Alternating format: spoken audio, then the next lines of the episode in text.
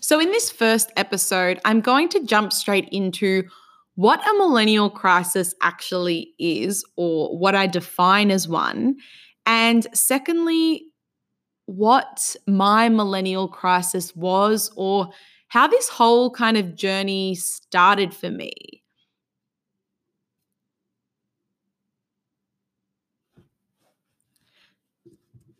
So, I guess let's start off with the first part. What is a millennial crisis?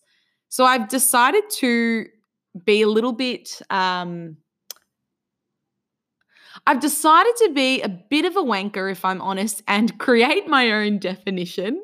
And so, what I have defined as a millennial crisis is a privileged problem that consciously or subconsciously affects your mental wealth and health. Your mental health and well being, and has a negative impact on your life. For example, being unhappy in your job it affects your motivation, your mood, your confidence, and it can also trickle out into affecting those around you. It's a constant battle in your mind that's that could be causing you excess stress, temporary depression, or anxiety. So, why is something like that a millennial crisis? Essentially, because it's a first world problem it's a privileged problem. You have a job, you're able to pay your bills, whether that's to the extent you want or not, is besides the point. You have a roof over your head, a phone. The fact that you're listening to this podcast is a privilege in itself.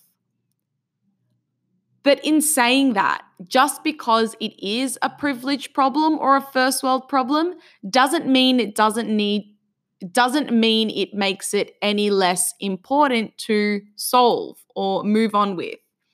It still has a negative impact on your life.